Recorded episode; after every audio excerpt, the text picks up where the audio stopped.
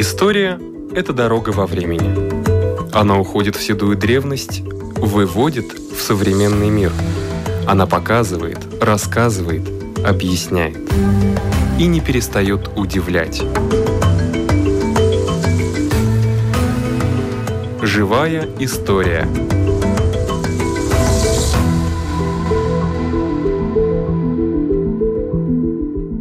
У микрофона Лидия Чера.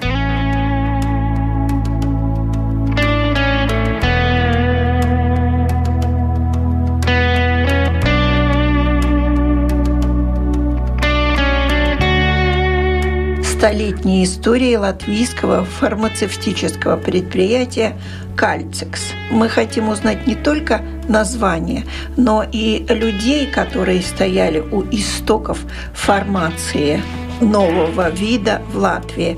Историк Владимир Эйхенбаум. Это были офицеры латвийской армии. Э, в латвийской армии очень было много офицеров-фармацевтов. Сейчас нет такой званий, даже нет таких. И вот два офицера, Виллис Скобурскис и Янис Алфредс Меднис. Скобурский был провизор, а Меднис был аптекарский помощник. Это звание того времени. И вот эти офицеры, служа в армейском депо и ветеринарном управлении латвийской армии было очень большое управление, потому что тогда вся армейская жизнь на лошадях была. И эти везумные, как называемые, которые телеги и не только кони были, боевые кони, но и офицеры ездили на лошадях, так что очень большое количество было этих лошадей. И при ветеринарном управлении было тоже фармацевтическая лаборатория, в которой служили Виллис Скобурский и Янис Алфред Меднис. У Медниса был домик на Брунанеку 85. Этот дом еще сейчас сохранился, который владела многие годы его семья. И вот он решил в этом доме основать такую небольшую лабораторию, где сначала оборудовали несколько комнат, очевидно, хозяйские комнаты, там комнат пять было под лабораторией, такой большой подвал был. В подвале организовали там все эти лабораторные печки, и подогрев воды и, тому подобное. Все, что связано уже с технической точки зрения, были в подвале. А наверху пять комнат было лаборатория. И вот эти умные люди, потому что тогда вообще в Латвии промышленность была разрушена, не говоря уже о фармацевтической промышленности, потому что в 17 году отменили сухой закон в армии, и 12-я армия, когда отступала, они грабили все лаборатории, все фотомастерские, где тоже был спирт, и не говоря уже о магазинах и других предприятиях, пивных лавок, где находился алкоголь. И фактически вся промышленность фармацевтическая была разрушена в 2020 году. Уже потом в 19 конечно, войной никто не занимался этим делом. И в 2020 году начала возрастаться фармацевтическая промышленность, которые организаторы вот как раз были эти два офицера. Но Вилли Скобурский, он впоследствии владел Торникаунской аптекой, новой, наверное, Бацгатовой сейчас. И в Венспиле у него была аптека, и в Нерите он довольно много аптек был. Он ушел в 21 году, потому что он не был таким большим специалистом по фармацевтической промышленности, а на его место пришел 21 году, фактически год Скобурский только был, Зигмунд Францкевич, который фактически дал жизнь этому предприятию Калтика. Если бы он не пришел, возможно, это все бы и заглохло на технической стороне лаборатории, потому что фармацевтические тоже занимались различными техническими работами, скажем, крем для обуви. Тогда очень нужная вещь, и этим Меднес в основном занимался. Но Францкевич тоже подключился, и они создали фирму такой ИА, Меднис и Бедерс. А вот Бедерс был Францкевич как раз. И Францкевич был профессиональным уже предпринимателем. Он в Москве учился, он окончил в 2014 году Московский университет. И работал как лаборант, как э, помощник самой крупнейшей в России фармацевтической фабрики, можно так назвать, Ферейна. Сегодня еще это имя звучит в Москве. Если кого спросишь из фармацевтов, все знают этого Ферейна. У него была целая сеть аптек, тоже фармацевтическое производство очень крупное, большое.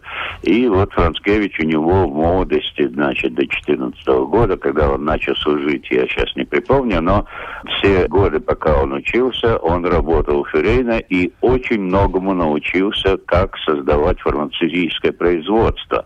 Потому что очень многие фармацевты погибли, в войне участвовали, или попали в Россию, в Советской России пропали, и на Южном фронте тоже, потому что в основном фармацевты были или евреи, или немцы – те пропали, и поэтому не было таких крупных специалистов по этому вопросу. И когда он приходит в Медфро, они организуют впоследствии, это называется Меднис и Франскевич, Медфро фирма называется, то он начинает развивать как раз вот эту хомеопатию. Они с Латвийским университетом все время вместе работают. Начинают создавать такие, взяли поля, специальные поля при Латвийском университете были, где выращивали вот хомеопатические разные врачебные травы, ашнецивас. И благодаря этому начали развиваться и другие, конкретно уже формация для людей, не только техническая формация. Хотя впоследствии техническая формация довольно развилась, и даже в 27 году эта фирма получает гран-при. Это самая высшая парижская награда, самая высшая награда всех торговцев, которые представляли товары на этой выставке. Получить это гран-при считалось очень престижной, поэтому он на всех бланках всюду это медаль гран-при, очень похож на орден почетного легиона и он всюду его экспонирует. И впоследствии уже создают не только техническую сторону, но и Аснецибесаугу, значит, лечебных трав отдел, химическо-технический отдел, уже расширяется уже в лаборатории, вот это предприятие превращается в фабрику. И они покупают в 27 году здание на улице Тегелю тогда. Это Эмиля Мелнгайля, сегодня три. Это здание сохранилось тоже. Это бывший дом, который был приспособлен для всяких предприятий. Там были табачная фабрика, в общем, до 27 -го года различные предприятия. И вот это здание еще до 90-х годов служило как центр кальцикса. Но само название кальцик довольно поздно получается. А основатель этого предприятия Меднис уходит в 30-х годах, в 36-м году, и Францкевич полностью перенимает, потому что вот эта техническая сторона, в основном это обувной крем, потому что обувной крем очень нужен был. Армия в деревне ходили в сапогах голенищами, и на расхват был этот крем. Но еще они изготавливали воск для паркета, для металла различные такие, чтобы чистить металл, mūsu papīrs липкая лента для мух. Так что эти все отошли. И впоследствии Медвес уходит из фирмы, остается только Францкевич, создает новые предприятия, сначала здесь на Эмиле Мелгайле нынешний, а потом переходит на Гани Будамбис, это здание сейчас снесли, и в этом здании устроят только техническую, а Францкевич переходит только на фармацевтическую промышленность. Промышленная, это уже фабрика, это не лаборатория. Лаборатория это поменьше пять комнат, а фабрики уже целый комплект зданий и так далее.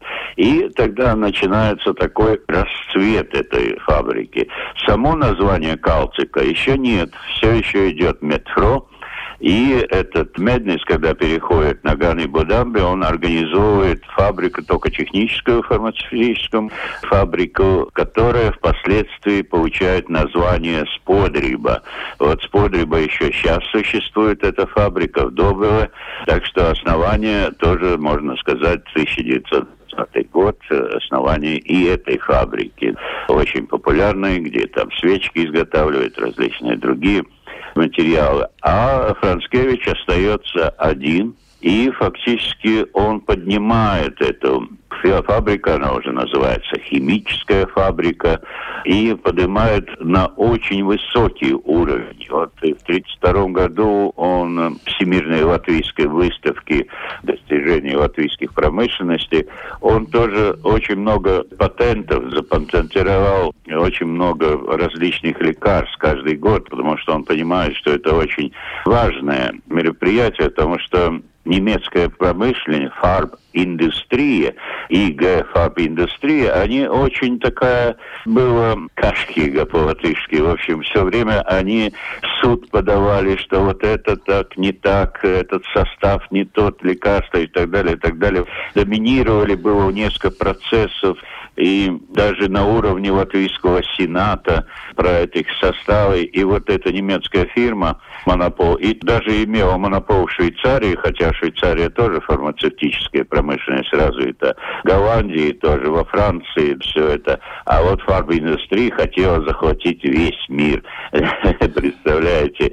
И вот Францкевичу удалось заменить в общем числе 58 иностранных препаратов, которых надо было покупать за валюту. А тогда был кризис в 1932 году, 1931-1932, и фактически валюты в латвийском государстве не было. И так что многие препараты, которые уже Францкевич изготавливал в фабрике Медфро, как раз очень хорошо нужны были на местном рынке. Но Он это фактически... уже была не гомеопатия, это уже были таблетки, да? Эти да, это уже были химические. Гомеопатия, он потихоньку отходил от нее, но все равно он использовал натуральные травы какой-то процент было натуральные травы в его лекарствах. Поэтому фарбиндустрия, которая чисто химическая фабрика, и у них там в Германии было мало таких специальных полей, потому что Францкевич даже у крестьян заказывал, что какую-то часть урожая крестьяне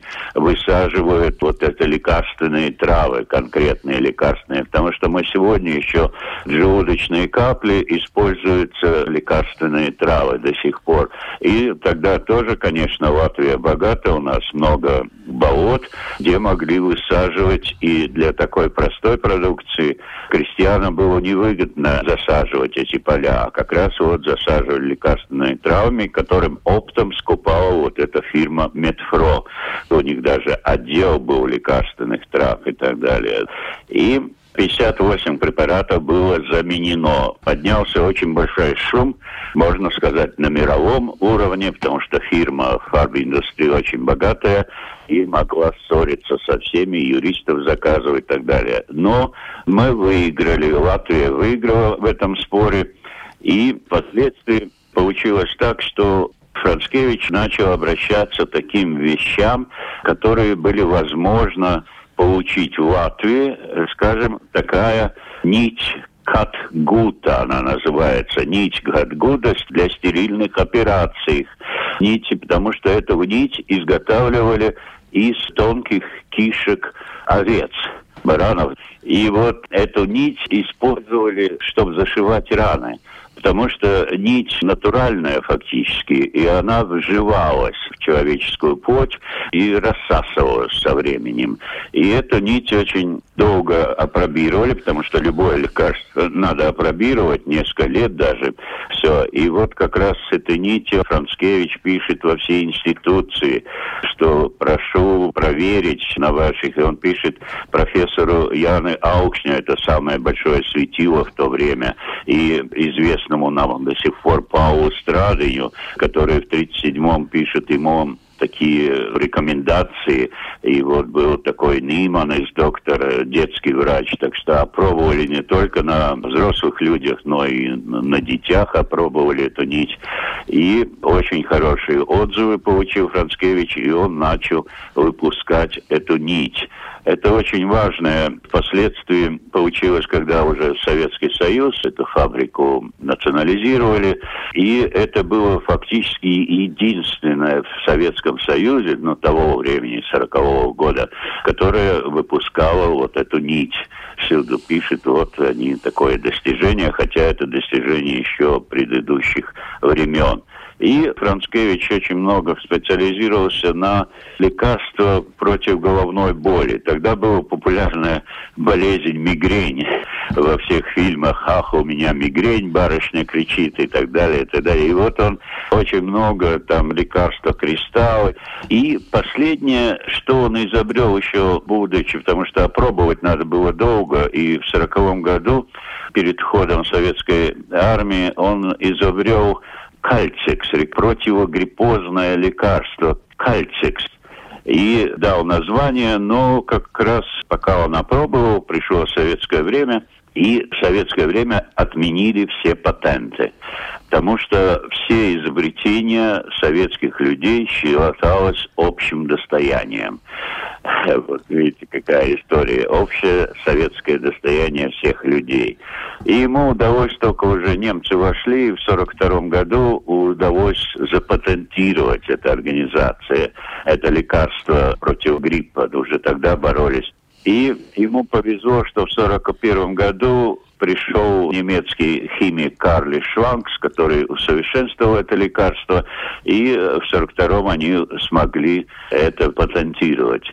немецкое время, конечно, ему было труднее, потому что его фармацевтическую фабрику, фактически остатки фармацевтической фабрики, ибо в 1940 году, когда национализировались, объединили много фабрик, химическую фабрику «Фармазан» на улице Заля 6-8. Там еще остатки этой фабрики есть, химическую фабрику «Метро», объединили в одну большую фабрику.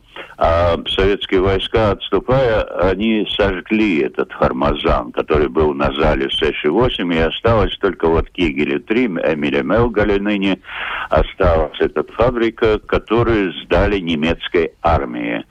И вот немецкая армия там очень трудное название, Трехундерварвалт, он какой-то, Вервалт, да, значит, управление, которое, конечно, и это нить, и противокальцикс, противогриппозное, все это пригодилось очень немецкой армии. Но инженер Шванкс был, а Францкевич еще продолжал там работать. Он, может быть, и работал в советское время, но в сороковом году случилась очень большая беда в его семье. У него три сына, все фармацевты, ну, студенты еще формации – и его одного сына по доносу рабочего, хотя он очень хорошо относился к рабочим, его супруга Целина Францкевич была дама, которая заботилась не только о рабочих, а о других людях, меценат такой был. Но она в 1939-м умерла. На него донесли на сына, потому что он участвовал в студенческой организации, арестовали, и неизвестно, что с ним случилось. Ну, очевидно, или расстреляли, или в лагерях погиб. И он поэтому в 1944 году вместе с немецкой армией уехал. В Баварии он работал, в Баварии его очень ценили. Он тоже стал знаменитым фармацевтом Баварии и умер там уже в 80-х годах. Много лет прожил. Да, много лет прожил и творчески прожил, действительно творчески.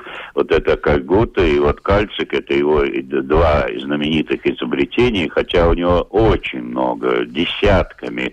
Я когда-то хотел составить список, но мне не удалось составить полный список его лекарств, которые он запатентировал. Это не говоря уже о том, что он работал. Много в выставках участвует и всегда с наградами и в 32-м вот этой выставке и так далее, и так далее.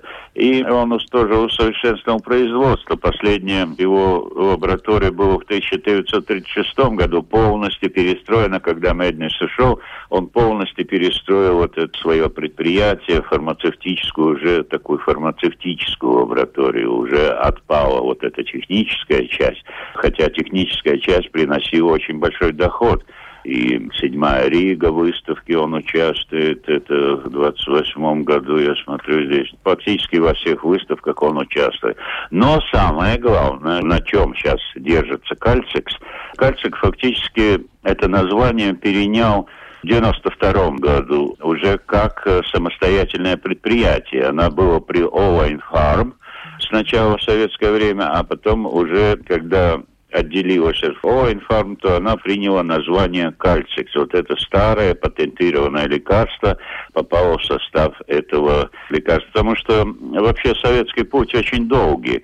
В 20-х годах, уже в 20-х, 21-й, так как Меднис был довольно такой технический человек, они начали изготавливать ампулы лекарства в ампулы. Это было единственное предприятие в Балтии. Сейчас тоже нынешний кальцик живет на ампулах, изготавливая ампулы. В Латвии нет, в Словакии, еще где-то у них производство это тоже интересный факт. Даже ампульный стекольный цех был у них, у них был консервный цех, потому что изготавливали многие лекарства, хранили в таких упаковках железных, как консервы, можно сказать, чтобы не попала влага, чтобы защищен был от разбития, если бутылочка или что-то. Очень многие лекарства упаковывали в жестяные такие коробочки или ампулы такие жестяные градусники, например, тоже если изготавливали. И вот у них было еще два цеха по изготовлению стекла, которые фактически ампулы изготавливали. И вот эти ампулы сейчас самая главная такая продукция.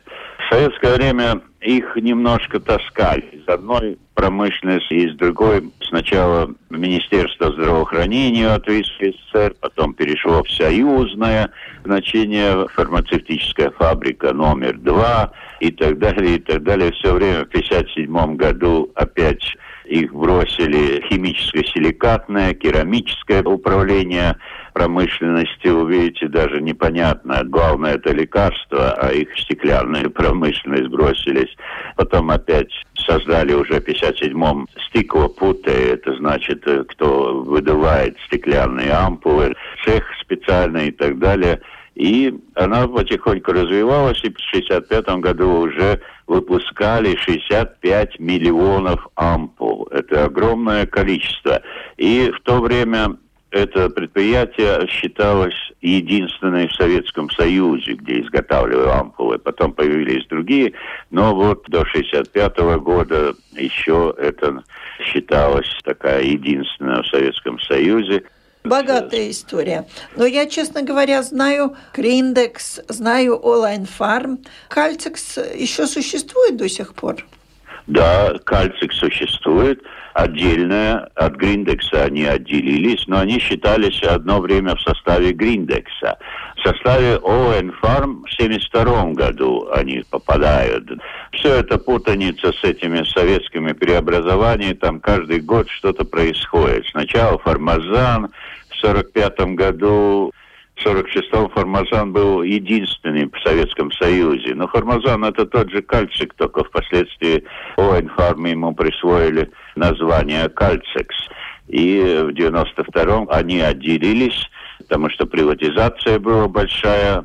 В 92 году, 1 мая, отделились от концерна Латбиофарм и реорганизации отдельная фирма получилась. Это государственное предприятие. В 92 году было очень много государственных предприятий. Вот даже в составе предприятия даже аптеки были многие, и в Резекне, и в Риге. Так что эта история очень запутана. Было очень трудно писать об этом, не говоря уже в латвийском периоде, но вот именно советский период, это было ужасно. Куда только их не бросали. И туда, и туда, и так далее. У них было представительство в Литве, Эстонии, в России, Казахстане, Украине, Балткреве, в Молдове. Видите, какое очень обширное предприятие. Но когда уже все кончилось, появились владельцы этого здания, фактически наследники Францкевича, и наследники этого Заля улицы тоже появились, там Ригерты были. Там шоколадная фабрика Ригерта, вот Вайма сейчас присвоила это название Ригерт, но фактически у них нет никаких отношений. Вайма в 21 году основана, а сейчас 1870 они пишут. И говоря о Гриндексе, Гриндекс тоже очень старое предприятие, но пока Гриндекс не признает свой год основания, они признают 1946 год, Э, фактически они в 1901 году основаны. Но я не старался, конечно, это доказывать, хотя могу доказать. Дело в том, что самый трудный момент было юридически доказать, что вот в 2020 году основана вот эта фабрика Медниса, впоследствии Формазан и Медфро, что юридически это то же самое предприятие. Это также вот, когда я работал над аптеками, каталог составлял аптеки Латвии, то очень тоже трудно доказать, что вот аптека в Лимбаже, что это самая старая аптека. Потому что в Лимбаже было четыре аптеки, и только с одной городской аптекой осталось сейчас. Но сейчас много других, наверное. А доказать происхождение очень трудно. Ну, сегодня Кальцикс один из ведущих по производству ампул. Они перешли, очевидно, на западный рынок. Словакия очень аккуратная страна, и Чехословакия, они довольно такие после Австрии Венгерской империи, они довольно такие аккуратные люди. И, во-вторых, там намного легче работать, чем на нашем рынке. Фармацевтический рынок латвийский сейчас очень трудный. И, как вы знаете, в Инфарм, что там происходит, различные дела, так как они могут... Здесь только управление фактически кальцика. Когда национализировали, они почти что осталось пять человек. Представляете, в фирме осталось пять человек, и они все же выкарабкались. Сейчас ведущее предприятие. Да, пожалуйста. был историк Владимир Эйхенбаум. Большое вам спасибо за рассказ.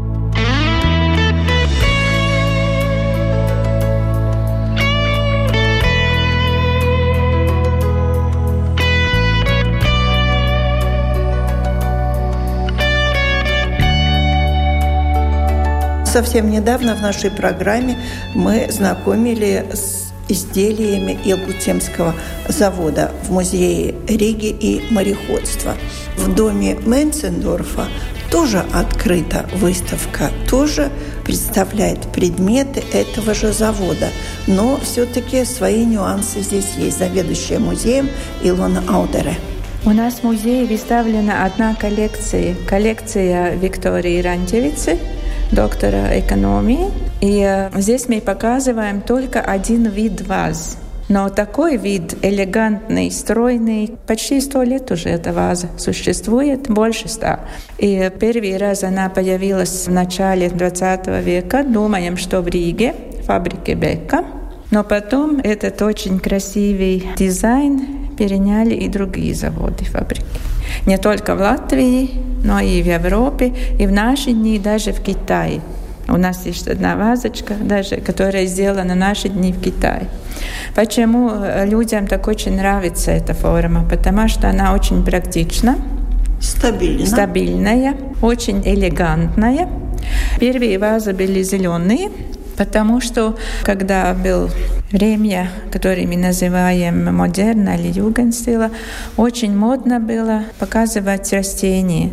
И эта ваза как будто повторяет стебель растений. Были три вида. Один вид с луковицей. Как луковица внизу, да. да от э, тюльпана или да. другого цвета. И другой вид с порезанным краем, когда мы ставим вазу розы или хотим работать в саду и новый сорт делать. Прививаем. Прививаем. Да, Тогда тоже мы и тоже да, срезаем. Срезаем не прямо, но диагонально. И так появился второй вид ваз, который не с такой прямой поверхности, но как срезанной стебель.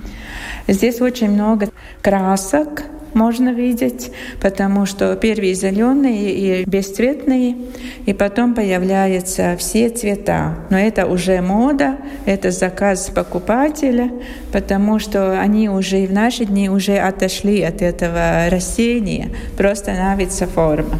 Синий цвет представлен голубым. Черный даже. Даже черные есть и темно-синий, темно-темно-синий, очень красиво. Да, и самая любимая ваза коллекционера есть первая, красная, и там показано, как вода течет по стеблю. Потому что в ходе времени дизайнеры придумали еще всякие добавки. Там как вода течет по стеблю, да. там есть и гравюра, гравированные Но первая совсем такая обыкновенная форма, зеленая. простая, зеленая, прямая. Я думаю, что люди здесь очень радуются, и что интересно, каждый говорит, о, у меня такая дома, а у моей бабушки та, вот такая. Потому что почти во всех домах были такие вазы.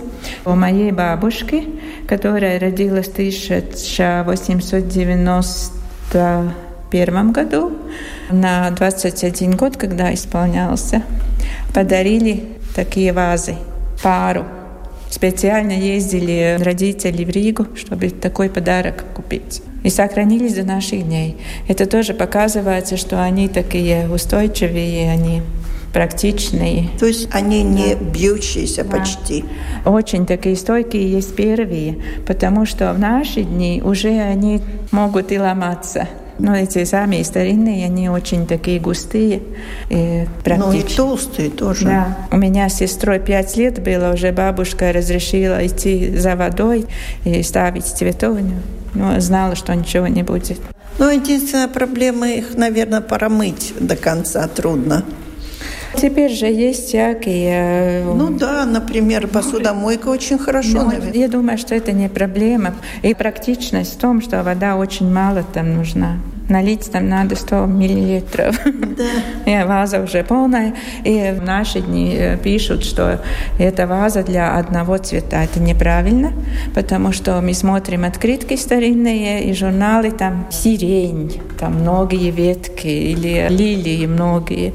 Была вот такая стебель, тоже модно есть многие, но вместе связаны.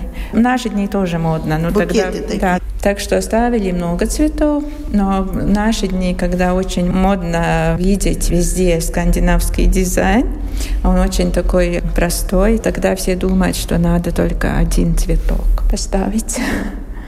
Как вы думаете, она запатентирована? Это на самом деле латвийское изобретение, эта ваза? Хотели все получить ответ.